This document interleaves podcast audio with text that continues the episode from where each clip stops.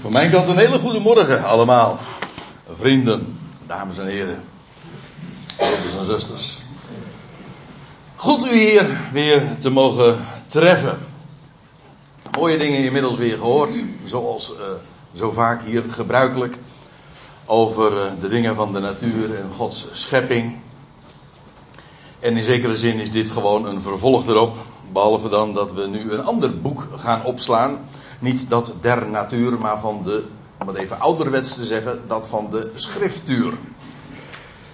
Um, ik ga vanmorgen u eens bepalen bij dit onderwerp wat u hier achter mij ziet geprojecteerd. Woord, geloof en beleving. Die trits, die, dat drietal begrippen.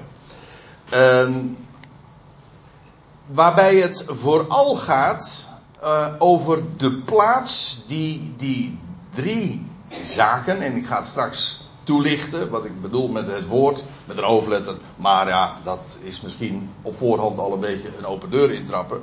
En geloof en beleving. Wat vooral van belang is, is de plaats die die dingen, en met name beleving en geloof, hebben ten opzichte van het woord in welke volgorde. En u bent daarbij eigenlijk al enorm geholpen, lijkt mij, want ik ga feitelijk toelichten waarom de volgorde in de titel correct is. En zelfs van fundamenteel belang om daar gezond ook tegenaan te kijken.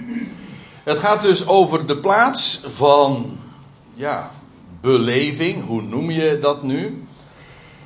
Of noem het gevoel. Ik zeg niet dat al die begrippen nou zo onderling uitwisselbaar zijn, maar ze zijn toch min of meer synoniem. Of ervaring. Het heeft iets te maken met ja, dat wat je subjectief kunt beleven, kunt voelen, kunt ervaren. Of zal ik het nog eens anders zeggen, uh, bevinden. En voor een categorie mensen hier, moet dat toch wel een bekend woord zijn. Bevinding is misschien een wat oud-Nederlands woord, tenminste in de zin zoals ik het nu ook gebruik. Maar voor een, heel, voor een flink deel van ons uh, Nederlands volk is bevinding een heel belangwekkend woord. En zelfs uh, men duidt zichzelf ook zo aan. Ik heb het over eigenlijk een groep mensen. Waar ik zelf historisch gezien ook eigenlijk uit voortkomt, namelijk uit de bevindelijke hoek van de reformatorische wereld, van de gereformeerde wereld, de protestantse wereld. Zo worden ze ook genoemd. De bevindelijke mensen. En daar is een bevindelijke prediking. En waarbij dat woordje bevinden alles te maken heeft met het beleven van de dingen. Uh, waar deze groepen, uh, je hebt het over ja, christelijk gereformeerd, wat mijn eigen oorsprong dan is, of de gereformeerde gemeente, gereformeerde bond, nou ja, uh, uh, al dat soort uh, verschillende segmenten, zeg maar, weer binnen die wereld, die benadrukken heel sterk het belang van het persoonlijk ondervinden van de dingen. Ik kom daar straks op terug, want het is van groot belang. dat als je het daarover hebt, dat je nog een andere vraag stelt. Het bevinden van wat dan wel? Maar bevinden blijkt dan uh, het woord te zijn dat bedoelt uh, aan te geven dat uh, het maar niet alleen maar om objectieve dingen gaat, om dat wat je weet en wat je kunt citeren, maar wat je werkelijk ook moet en kunt beleven, kunt ervaren. Als je daarover kunt spreken. Bevinding, ja. En ik heb daar nog een plaatje bij gevoegd. Dat je zomaar als je naar synoniemen.nl gaat, dan kun je zulke plaatjes uh, te zien krijgen van zulke woordgroepen en hoe die allemaal dan uh, die begrippen weer met elkaar samenhangen. Uh, sensatie, ontdekking, indruk, perceptie, ervaring. Het zijn allemaal begrippen die aan elkaar gekoppeld zijn en iets met elkaar te maken hebben.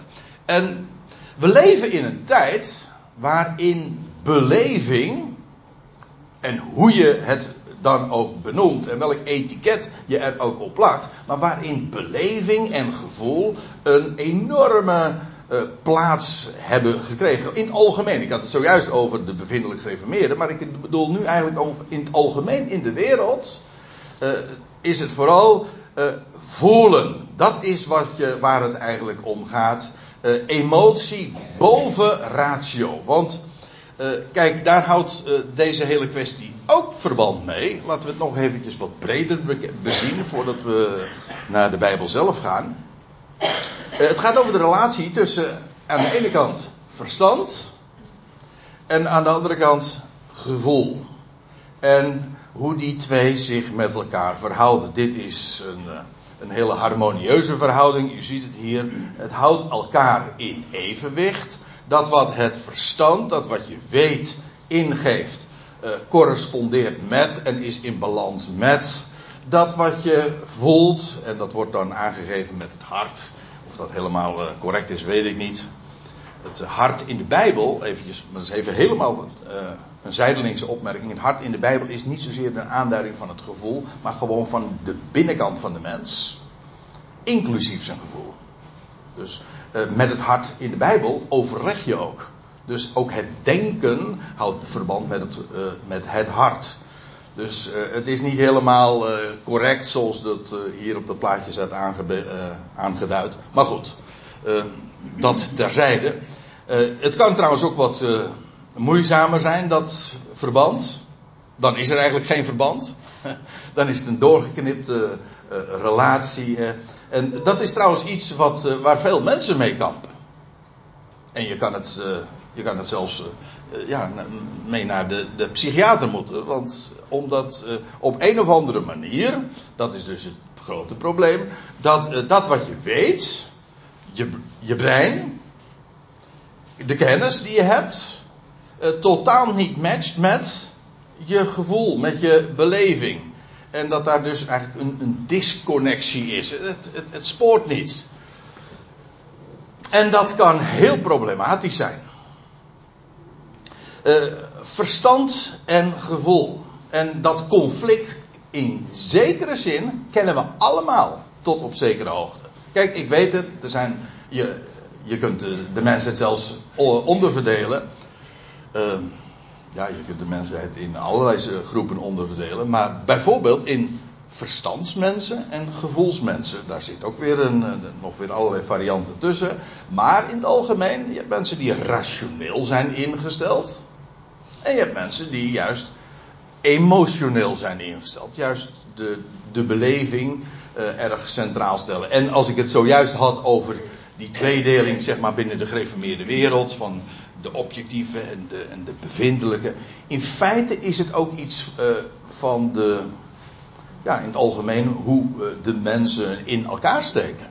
Je, hebt, je hebt nu eenmaal mensen die erg uh, rationeel zijn en emotioneel. En in zekere zin, nou is een andere tweedeling.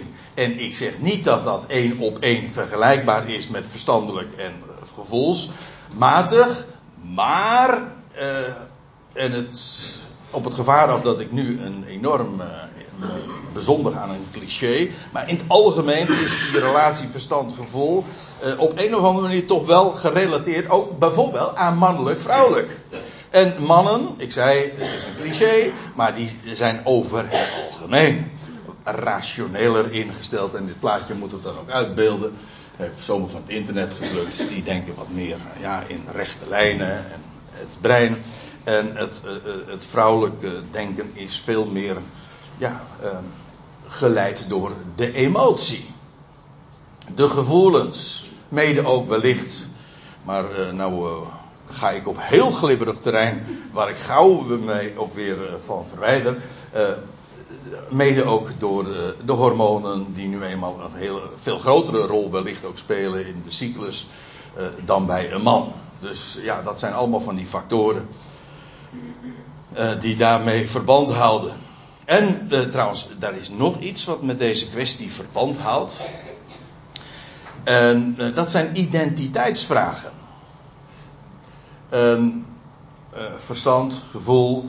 waarop baseer ik mijn identiteit? Als je nou de vraag stelt, ja, wie ben ik? hoe, hoe bepaal je dat? Hoe, uh, definieer ik mijzelf? Uh, baseer ik dat op uh, objectieve dingen of op subjectieve dingen? De laatste jaren met name is dat heel actueel geworden in verband met allerlei genderkwesties van homoseksualiteit, maar ook met, met hoe heet dat, transseksualiteit. dan is het bijvoorbeeld de vraag, ja, wie ben ik nou eigenlijk? Ben ik mannelijk? Ben ik vrouwelijk? Vroeger was dat heel simpel. was namelijk een objectief gegeven. Stond er op je geboortekaartje. Uh, je was een, uh, een zoontje geboren of een dochter. Nou, dat was de tweedeling. Dat was dus objectief. Dus voordat jij ook maar enig benul had van jouw seksen, van je geslacht, van je seksuele identiteit, stond het al lang vast en iedereen wist het. En jij kwam dan op een gegeven ogenblik tot besef van die dingen. En ook dat is weer een ontwikkelingsgang. Nu wordt dat heel anders. En dat bedoelde ik zojuist ook aan te geven met uh, dat vandaag gevoel een veel grotere rol is gaan spelen. Nu is dat vooral een gevoelskwestie. Je bent, je seksuele identiteit wordt eigenlijk gedefinieerd door de vraag hoe je het beleeft. Hoe je je het voelt. Als je je eigenlijk mannelijk voelt in een vrouwelijk lichaam, dan ben je dus eigenlijk mannelijk. Want zo voel je dat, zo beleef je dat. Zo uh, heeft dat, uh, die beleving dus uh, heeft een veel grotere plaats gekregen. Hele boeiende dingen, maar ik wil nog met iets anders u confronteren. En die verhouding van woord geloof, beleving. Van oudsher, ik, en wat, wat ik nu hier laat zien, dat is, en ik weet wel zeker dat er heel wat mensen zijn die dit plaatje wel kennen, als ik in verhouding ook met het onderwerp. Klopt dat? Wie kent het? Ja, oké, heel, heel wat. Ja. Uh, dat het beeld van een locomotief met twee wagonnetjes. En ik kreeg het, nou volgens mij wel 40 jaar geleden, kreeg ik het al uh, onderwezen. En uh, als, als zijnde uh, het belang van hoe je deze dingen een plaats geeft. Dat wil zeggen, gevoel moet je niet wegredeneren, is van belang.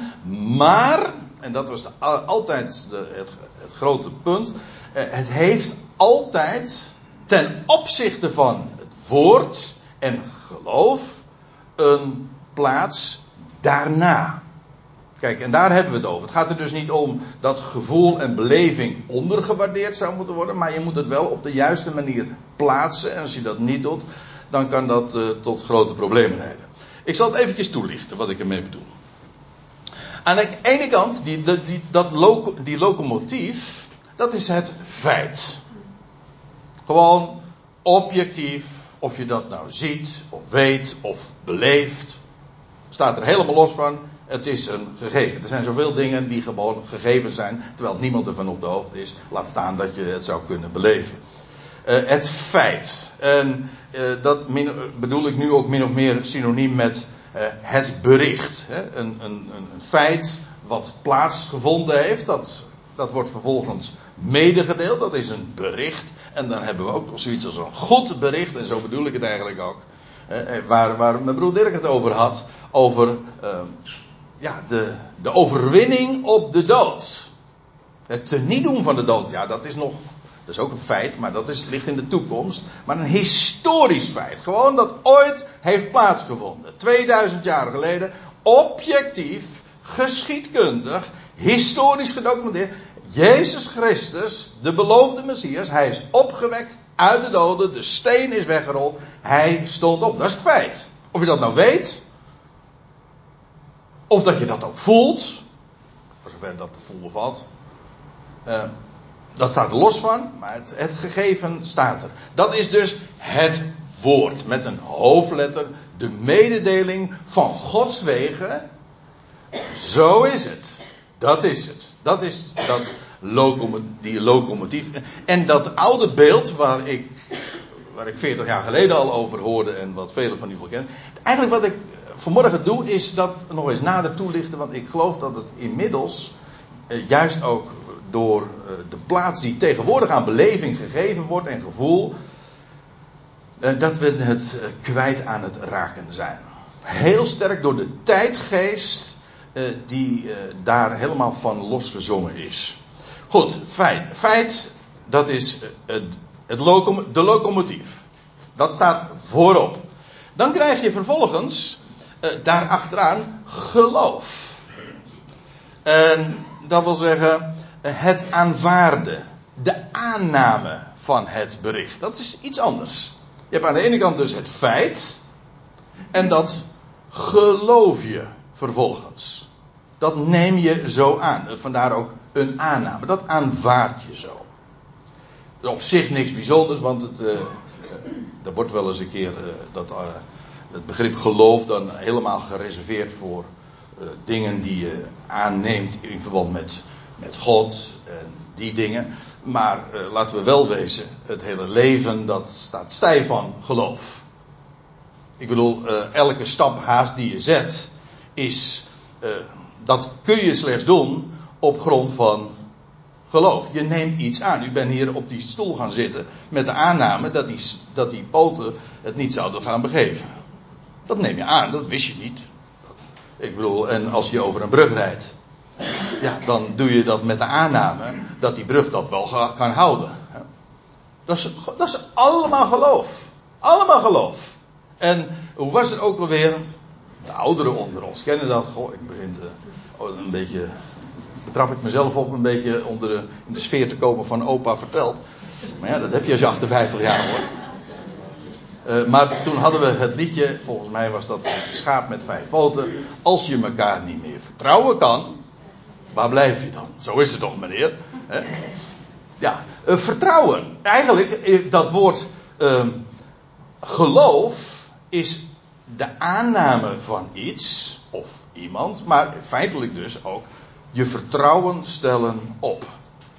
Dat kan dus heel banaal, iets heel alledaags zijn, als uh, het, waar ik zojuist over had, de stoel waar je op gaat zitten, of je doet het contactsleuteltje om en uh, je gaat uh, je auto rijden. Dat doe je allemaal met een, niet met één, met een heleboel aannames zelfs.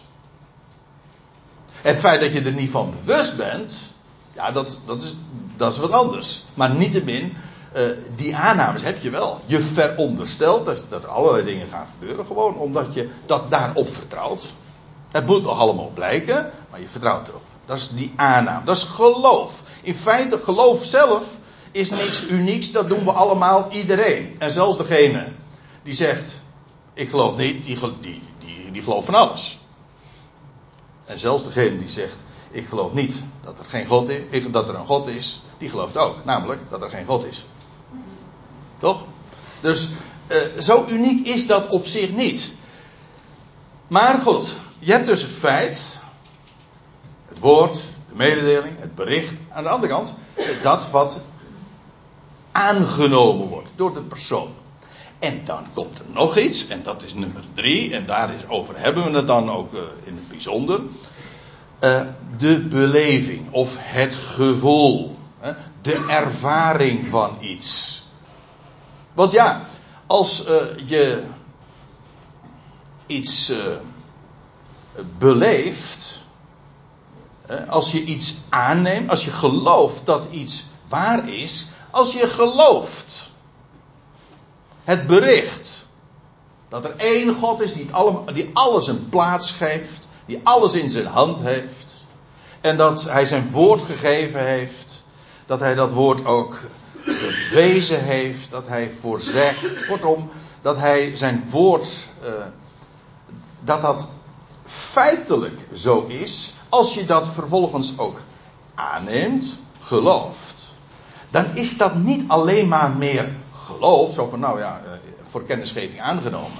Nee, dan gaat dat zijn werk doen. Een goed bericht, eh, hoe staat dat in, in Romeinen 1, vers 16? Het evangelie, tegen Paulus dan, dat beschaamt mij niet. Hij zegt, want het is een kracht gods. Ja, het is een enorme, het woord wat hij daarvoor gebruikt is dynamiet eigenlijk. Het, is, het heeft zo'n enorme power, want op dat moment dat je dat aanneemt, gelooft, aanvaardt, dat je de ogen daarvoor open. Ja, maar dan heeft dat ineens een effect van dat je daar blij om wordt. Ja, natuurlijk. Als je gelooft dat alles uit mijn broer Dirk zin speelde er nog eventjes op, alles uit een oerknal komt. Ja, dan betekent dat dus dat het leven en het hele bestaan geen zin heeft. Het is er wel, maar het heeft geen enkel doel. Ja, dat geeft, dat betekent dus dat het bestaan zinloos is. En als dat een zinloos gevoel geeft en dat je daar depressief van wordt, want het heeft toch allemaal geen inhoud en geen bestemming dan is dat het logische gevolg van dat geloof dat jij hebt. Jij gelooft dat het bestaan geen zin heeft. Ja, en het effect, de beleving ervan is dat het allemaal zo depri is, zo zinloos. Het gaat helemaal nergens over. Nou, dat. Maar omgekeerd, dat als je gelooft dat er, nou ja, waar ik het over had, die ene God, en, en hij heeft zijn woord gegeven. Hij, heeft, hij stelt ons op de hoogte. Prachtig woord. Hij stelt ons op de hoogte. Hij vertelt hoe het is. Maar hij geeft ons daarmee ook uh, zoveel kennis, maar ook uitzicht. Zodat je op de hoogte bent en een geweldig perspectief hebt. Nou, dat plaatje geloof ik, dat was aan het begin, dat u zag van die, die man die daar op die top van die berg uh, staat. En, en ja, hij, die berg, dat is dat feit. Daar staat hij. Eh, het feit dat hij daarop staat, dat is het geloof. Je rust daarop, je vertrouwt daarop. Die berg die houdt het wel. Maar vervolgens, als je daarop staat en dat, uh, ja, zeker als je die, die, die tocht hebt gemaakt, hè, naar, naar, naar de, dat, is, dat is beleving, dat is avontuur. Eh, dan, dan, dan, dan kijk je naar en dat is zo adembenemend groot, zo indrukwekkend. Nou, dat is beleving. Dat je daar zo blij, zo klein en nou ja, al, al, dat, die emoties die dat met zich meebrengt, dat is de beleving. Dus je hebt het feit, je hebt de aanname, je staat erop, of hoe dat dan ook maar heten mag, of uh, welk etiket je daarop kan plakken. En dan de beleving die dat met zich meebrengt. Uh, hoop, uitzicht. want ja, dat is wat je hebt als je op de hoogte gesteld. Dan heb je enorm uitzicht. Dat maakt je blij. Het geeft je ook uh, vrede. Als je weet dat alles een plaats krijgt. En dat alles in zijn hand heeft. En dat er nooit iets misgeeft. Dat geeft zo'n enorme vrede. Het gaat verstand te boven hoor. Je begrijpt het niet. Als het, ja, jij bent God niet, maar Hij heeft alles in de hand. Hoe Hij dat in de hand heeft, eh, dat weet ik niet. Ik hoef het ook helemaal niet te weten. Ik hoef me, me, niet te gaan verbeelden dat ik als klein piepklein schepseltje, als een, als een vingerhoedje, dat ik de hele oceaan daarin kan krijgen natuurlijk. Dat is uh, een, een dwaas idee. Maar als je dat gelooft, dan, dan, geeft dat, dan krijg je de vrede van God. De, de vrede die Hij zelf heeft, maakt dan uh, zich meester van jouw gedachten en gevoelens. Zo zegt Paulus ook. En de vrede van God, die alle verstand te boven gaat, zal uw harten uh, en uw gedachten behoeden als in een vesting. Dan ben je zo veilig. Dat geeft vrede. Nou, dat is, dat is, dat is allemaal beleving. Maar het gevolg van geloof, en eigenlijk het begint hier, dan dat, en vervolgens dat. Het is niet zo, het is dus niet zo, ik ben, uh, God uh, is er, want ik, ik ben zo blij daarmee. Dat is onzin. Iets is niet een feit omdat jij het gelooft of omdat je er zo blij mee bent. Heel veel mensen trekken wel een dwaze conclusie. Trouwens, dat is tegenwoordig ook wel wat je nog eens hoort. Van, het maakt eigenlijk helemaal geen bal uit wat je gelooft. Als je maar gelooft. Weet je als je er maar vast in, in vertrouwt. Dat is, nee, dat is het ook niet. Het geloof is alleen maar het kanaal waardoor, uh, waardoor dit tot dit komt. Het is niet dus zo van dat als je nou maar iets vast gelooft en daar helemaal van overtuigd en zeker van bent, dat maakt de dingen waar. Eh, eh, het is een uh, verhaal. Gaat helemaal. Het, het, voelt niet helemaal. Het voelt niet helemaal goed. Nou weet ik het weer. Ja. Over, de, de, zekerheid of het idee dat als je nou maar iets vast gelooft, dat het dat waar maakt. Kijk, als ik met bibberend en shakend en, en, en, en bang over een solide brug ga, dan is de beleving uh, ja, heel beroerd. Maar dat ook al, al voel ik het, eh, al heb ik eigenlijk geen enkel fiducie in die, in, in die boot, of pardon, in die, in, in, in die brug. Ja, het, het brengt mij echt wel aan de overkant hoor. Want dat maakt niks uit. Die brug, dat is het feit. En of dat ik dat niet beleef, ach, dat is geen probleem. En omgekeerd, ik kan over een heel wankel uh, plankje gaan, over een sloot. En oh, maar dat, dat gaat wel.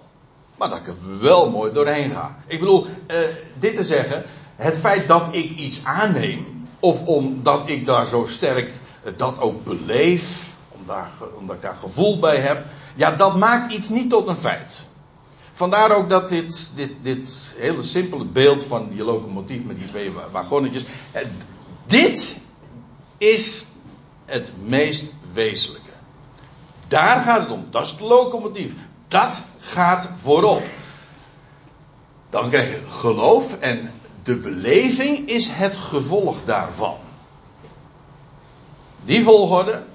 En dan wil ik trouwens nog even iets zeggen. En nou kom ik even terug op wat ik uh, al even aangaf over, over de, nou met name in de reformatorische wereld, maar in het algemeen in de christelijke traditie is het zo dat uh, men dat berouw, zondebesef heel erg sterk benadrukt wordt. En dat, heeft, en dat zie je ook in de vertalingen terugkomen. En waar ik het zojuist over had met die bevindelijke wereld, daar zegt men, ik weet het heel goed. Uh, ik heb het uh, vele malen ook zo uh, ja, gehoord en gelezen. een mens moet tot ontdekking komen.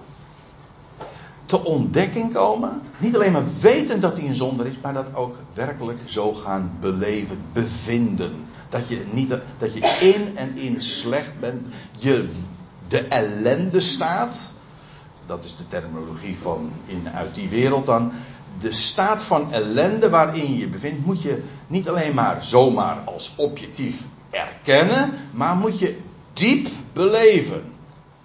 En daar kun je zelfs uh, een maatlat voor, voor gaan aanmeten, uh, of ja, voor aanleggen en zeggen van nou, ben jij al genoeg, zeg maar, tot bevinding gekomen van jouw staat van ellende? Oftewel, heb je al genoeg besef van jouw schuld. En dan ben je er niet zomaar hoor. En ja, dat, ook daar zijn gradaties in. En dat men dat zo benadrukt. Je moet berouw hebben. En. Wij gaan gewoon door, koning. En ik zal u vertellen. Uh, dat in de vertaling is dat nog uh, doorge klonken, of is dat doorgecijpeld. Uh, ik, ik, geef u één voorbeeld. In Handelingen 26, vers 20, daar lees je over Paulus die voor Agrippa staat. En ik lees nu voor uit de MBG-vertaling. En dan zegt Paulus, maar ik heb in het hele Joodse land en aan de natie en de heidenen verkondigd. En dan staat er dat zij met berouw zich zouden bekeren tot God. Omkeren tot God. Uh, en werken doen met hun berouw in overeenstemming. Berouw. Nou, wat is berouw? Dat is. Nou, gaat dieper dan alleen maar spijt hebben van. Maar in ieder geval, het heeft heel sterk te maken ook met een gevoel van vroeging, van besef van je schuld. Hier wordt ook inderdaad in vertalingen aangegeven dat Paulus dat zou hebben uh, verteld. Hè, dat hij zou aan de natieën en, in het hele Joodse land hebben verkondigd dat zij met berouw zich tot God zouden bekeren. En berouw heeft dus heel sterk te maken met, met dat besef uh, dat wat God is aangedaan en dat je dat goed ook gevoelt. Nou is het aparte dat het woord wat Paulus hier gebruikt, of wat hier in het algemeen gebezigd wordt. Het wordt heel dikwijls met, met berouw vertaald. Maar is helemaal geen gevoel. Het woord berouw suggereert dat het inderdaad een beleving is. Een gevoel, een ervaring, een diepe ervaring vooral ook. Maar wat blijkt, het woord wat gebruikt wordt, dat is niet zo, dat is niet gevoel. Integendeel zelfs, het heeft te maken met denken. Het is het woordje metanoia. En dat meta, dat is een voorzetsel, dat betekent om of na of met. En dat noia, dat kennen we allemaal wel. In andere verband met andere voorzetsels, paranoia. Maar, hè. Eh, maar noia heeft te maken met het denken, de denkzin. Dus in feite rationeel. Ik zeg niet dat het louter rationeel, maar ik zeg in ieder geval. Uh, metanoia is dus niet een gevoel van berouw of spijt of woorden van die strekking. Nee, metanoia, dat wil zeggen omdenken. Wat Paulus in het hele Joodse land en onder de natieën verkondigde, is dat ze niet met berouw zich zouden bekeren, maar dat ze zouden omdenken. Dat ze zouden nadenken. Eigenlijk metanoia. Na tot be. Vandaar ook dat uh, woord in de concordant version, uh, of in de concordante versie, is bezinning.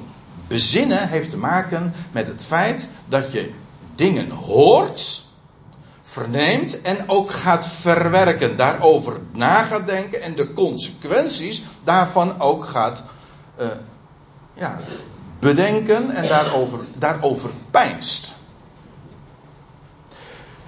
Dat is metanoia. Dus dat is geen gevoel. Nee, dat is iets uh, wat je bedenkt en wat je bezint. Dus dat hele idee van, van dat een mens zou moeten komen tot besef van zijn ellende staat en dat vooral diep zou moeten ondervinden, dat vind je niet terug in de schrift en ik kun je ook niet baseren op dit woord. Integendeel, dat is niet een.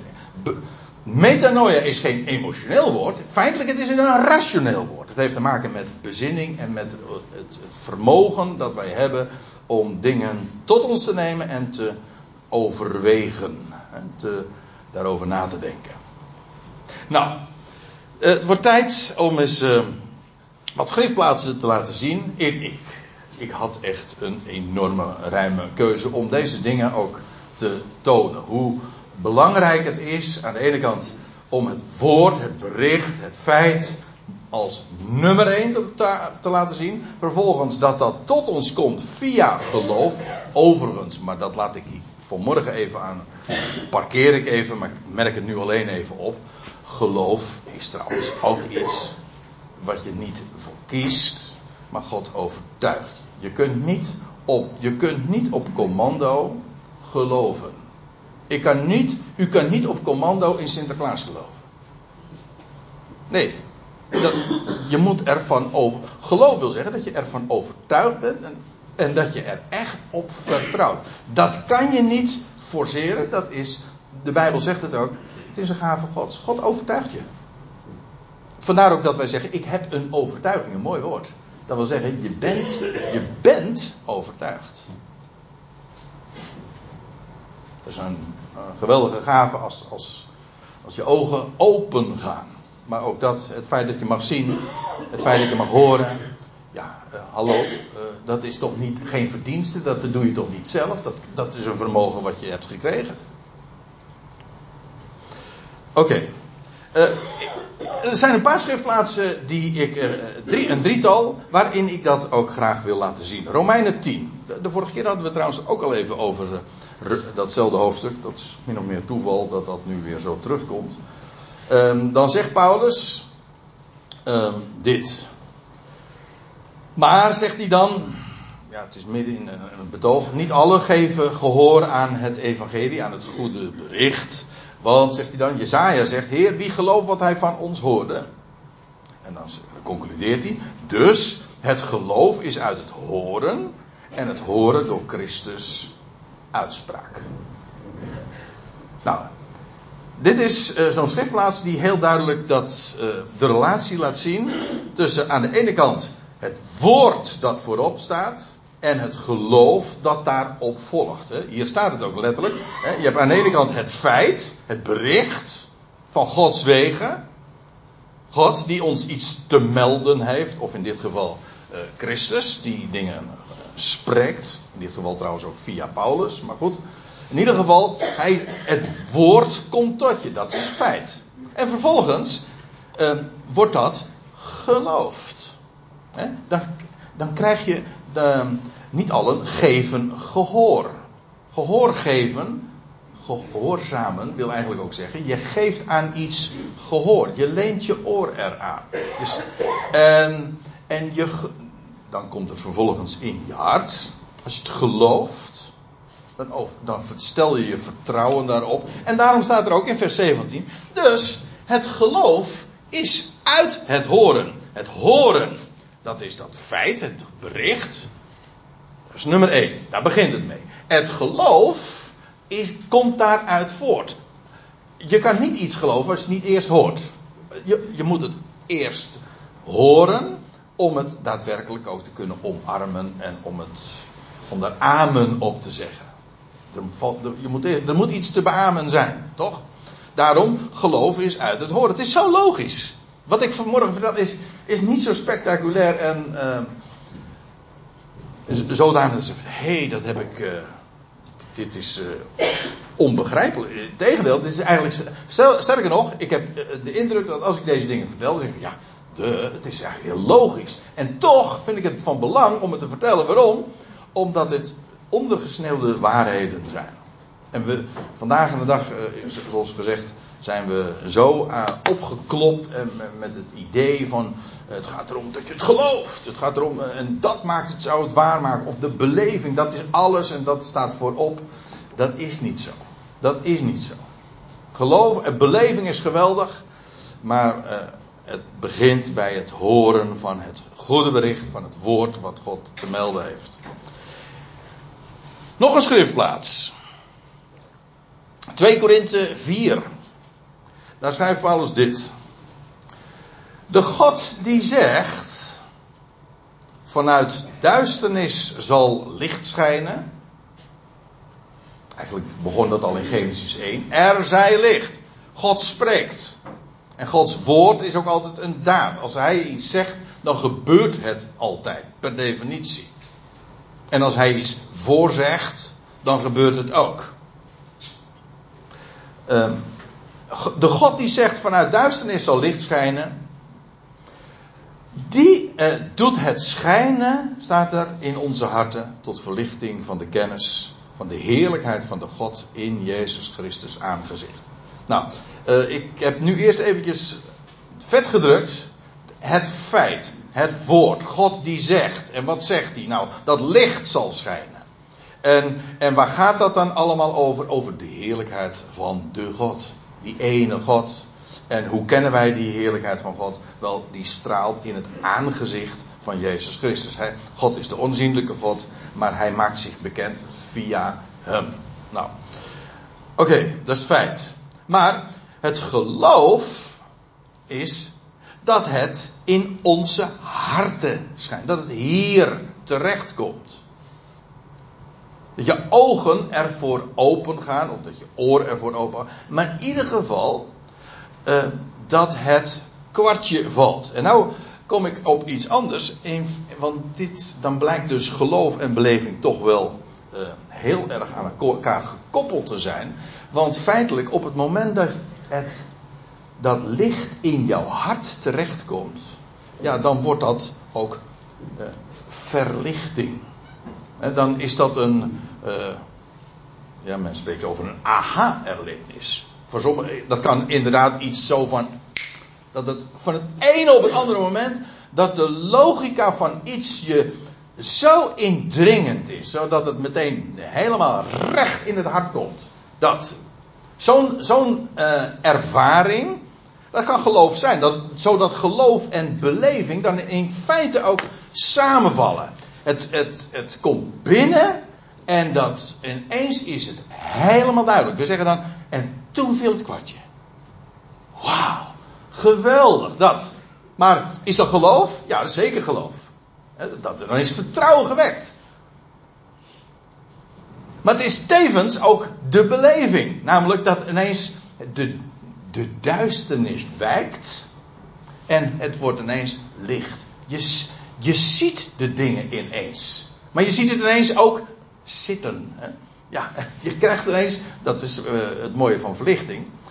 Je, je gaat dingen zien. Je krijgt ook zicht, je krijgt uitzicht, inzicht, doorzicht. Nou, allemaal dat. Maar dat is, dat is allemaal dankzij verlichting. Is verlichting Uh, beleving? Nou, ik dacht het wel. Het kan ook gewoon iets puur rationeel zijn. Ik bedoel, je wordt, uh, je wordt uh, midden in de nacht wakker. Om met een slaperige kop. Dan weet je.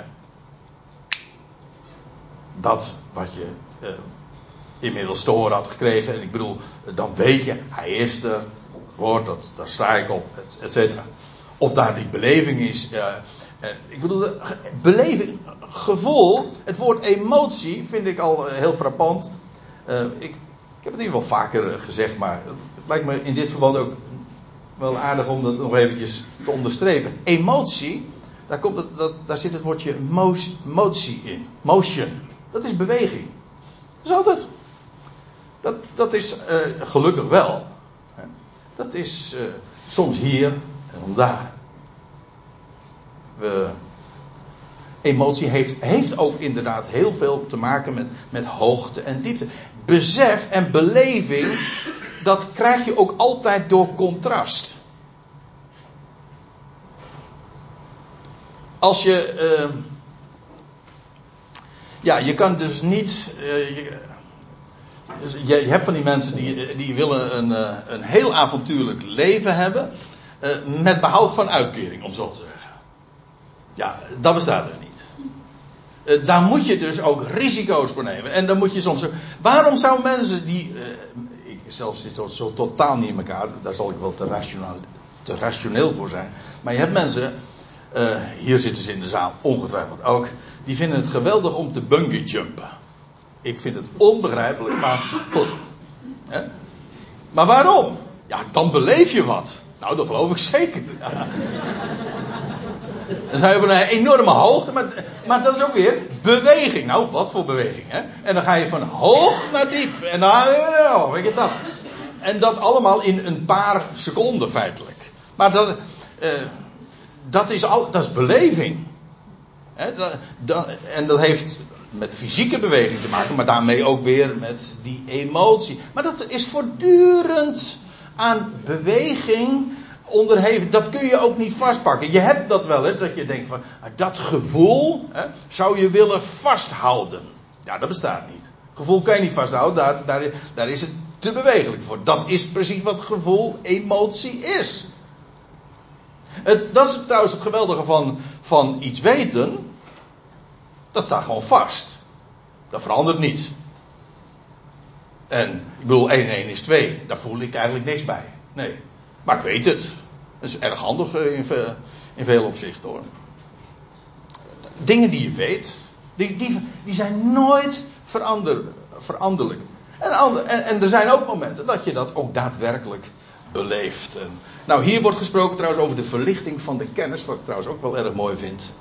Want dan zie je dus ook dat ook kennis een enorme impact kan hebben. Sterker nog, dat dat uh, elementair is tot voor de verlichting.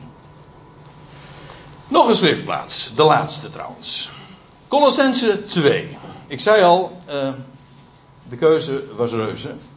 Want uh, ik had ook naar Colossense 1 kunnen gaan, naar, naar dat woord voor besef. De, Paulus spreekt daar over, uh, over erkenning. Het, het woordje epignosis, zegt dat u wat? Nou, dat is, heel, dat is een heel leuk woord. Ik heb daar nu even geen diaatje van. Maar epignosis wordt vaak vertaald met besef. Andere vertalingen spreken over de realisatie, het realiseren van. Maar het, eh, het Griekse woord is epignosis. En als je dat eventjes ontleedt, dan is dat een voorzetsel. Epi betekent op. En gnosis betekent uh, kennis, weten. Dus eigenlijk epignosis, dat is wat op weten is, op kennis.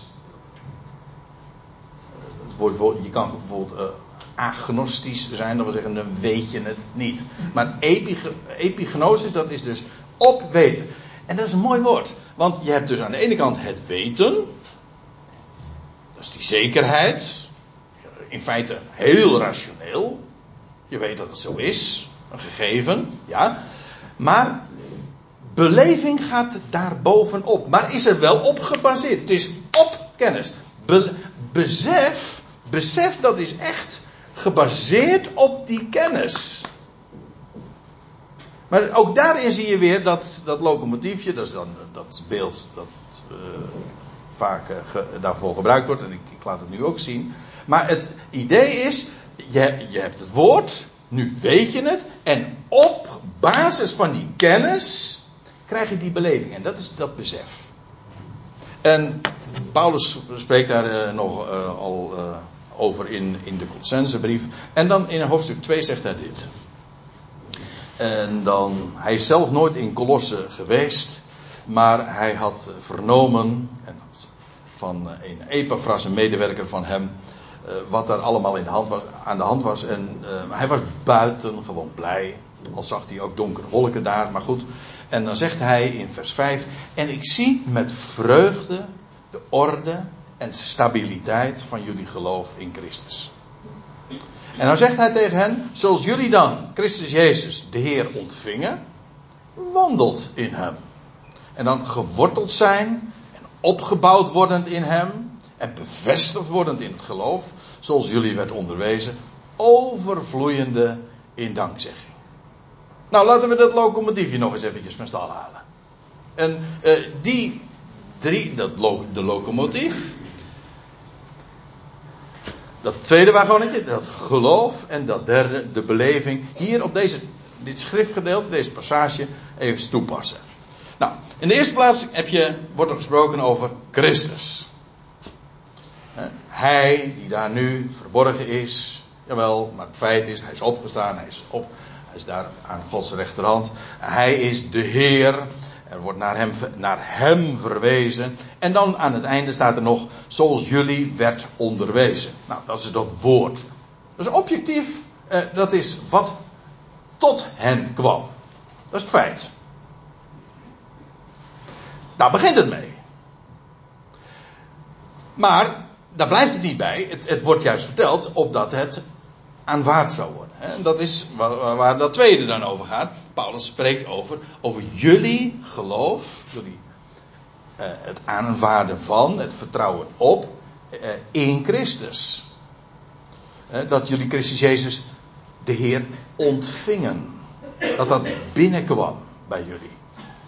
Uh, hij spreekt over bevestigd worden in het geloof. Je moet daarin bevestigd worden. Precies wat ik zojuist zei over dat epignosis. Dat is op kennis.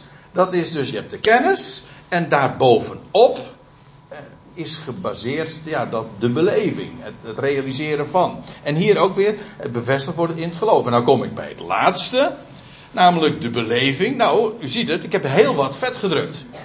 Want een paar van die belevingswoorden, die iets zeggen over ja, de impact die dat heeft in, een mens, in, iemands innerlijk. En eventueel zelfs uh, de uitdrukking daarvan weer in de wandel. Want er wordt er gesproken over. Ik zie, zegt Paulus dan van zichzelf, met vreugde. Nou, vreugde lijkt mij echt een belevingswoord. We zeggen wel eens een keertje van. Uh, dat je blij bent met een wetenschap. Is dat een emotie? Ja, die wetenschap dat is een constante. Die, dat, die blijdschap is geen constante. Dat, die is er soms wel. En soms ook niet. Is ook helemaal geen ramp. Want ja, ik zei al. Eh, bepaalde emoties die hebben op een bepaald moment de overhand. En op andere tijden uh, andere gevoelens. Er is niks mis mee.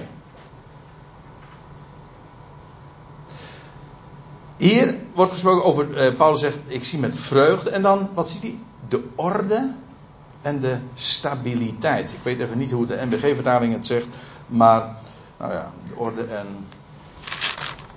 Nou, wie helpt mij? Colossense 2, vers 5. Heeft nou, iemand een bijbeltje bij zich?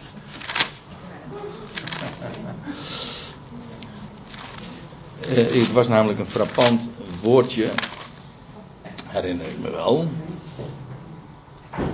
De hechtheid van uw geloof. Oh, de hechtheid, ja. Oké. Uh, de, de hechtheid, maar ook dat is weer uh, gebaseerd op de orde en de stabiliteit. Maar waaraan zou stabiliteit nou ontleend zijn? Niet op emotie, kan ik u vertellen hoor. Stabiliteit is nooit gebaseerd op iets wat beweegt. stabiliteit is gebaseerd op juist wat iets wat niet beweegt. Vandaar ook dat Paulus spreekt over. Uh, hij spreekt over twee termen die duidelijk ook dat aangeven dat dat, dat woord onbewegelijk is. Namelijk, hij spreekt over geworteld zijn. Maar je kunt alleen maar geworteld, dat heeft niet alleen maar te maken met diepgang. En, maar ook met het feit met standvastigheid. Hè. Een, een boom wortelt of een plant wortelt, ja, op, omdat hij op één plaats zich bevindt. En zo kan er ook diepgang ontstaan. Maar dat is juist, die stabiliteit is daarvoor noodzakelijk, de onbewegelijkheid. Vaststaand feit. Een vaststaand feit. Je, en daarin word je geworteld en vervolgens ook opgebouwd. Dat is weer een ander beeld. Geworteld, dat is een, een ja, dat is een agrarisch beeld, zeg maar. Uh, en dat opgebouwd, dat is weer een bouwkundig ding. Maar ook iets bouw je op, een gebouw trek je op, een huis is gebouwd op een fundament. Is een fundament bewegelijk? Ik hoop het niet. Want dan kun je er niks op bouwen natuurlijk. Nee, je kunt alleen maar bouwen op iets wat niet beweegt. Dus je ziet, is emotie mooi? Ja, is geweldig. Emotie, beleving, prachtig. Maar je kunt er niets op baseren. En dat is het geweldige van het woord. Daar kun je werkelijk op bouwen. Daar kun je ook vervolgens diepgang in krijgen. Kan ook alleen maar trouwens omdat het zo stabiel is. En vervolgens je wortels in uitslaan. En je kunt erop gebouwd worden. Daar kun je echt op bouwen. Omdat het zo solide wordt. En daar word je ook dan vervolgens in bevestigd. Maar bevestigd wil zeggen, het staat vast, maar het komt alleen maar vaster te staan. Dus het wordt alleen maar. Eh, het is dus onbewegelijk. Onbewegelijk. Wordt standvastig. On, onwankelbaar. Dat. Dat is het slot van 1 Korinthe 15. En dan, dat laatste, en daar wil ik mee afsluiten, staat er over, eh, zo, dat geloof zoals in jullie werd onderwezen, en dan vervolgens het effect. Dat geloof dat jullie werd onderwezen, dat is een feit. Eén op één komt dat tot je. Maar juist omdat het één op één tot je komt en dat je het zo aanvaardt en zo aanneemt, maakt dat je overvloeiend wordt in dankzegging. Niet alleen maar gaat danken, je wordt er blij van. Je weet omdat je het ontvangen hebt, word je blij en erkentelijk en dank je hem dus. Dankbaar ben je altijd jegens iemand. Iemand die jou iets geeft, zomaar om niet. Maar het is hier zelfs overvloeiende in dankzegging. Dat heeft te maken met het feit dat je. Uh, ja, je krijgt zoveel. Het overvloeiende genade roept vervolgens overvloeiende dankzegging op. Uh, dankbaarheid is iets in het hart. En dat overvloeien wil zeggen, het loopt over in je mond. Uh, dat is het effect, dat is de beleving die dat geeft. Dat zijn geweldig, dat is een leven dat gevuld is van vrede, van vreugde en vervuld. En sterker nog, overvloeiend. Het loopt ervan over. Je, je deelt een ander daar ook nog van uit. Als je, dat is wat overvloeien toch is.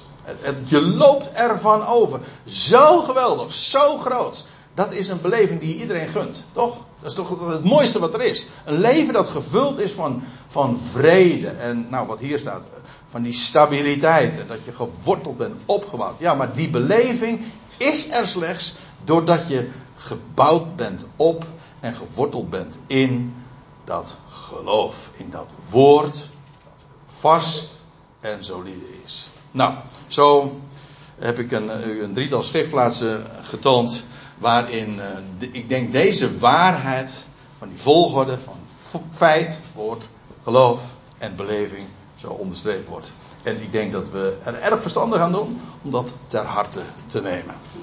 En dat wilde ik vanmorgen graag met u delen. En ik stel voor dat we met elkaar een, uh, een lied zingen.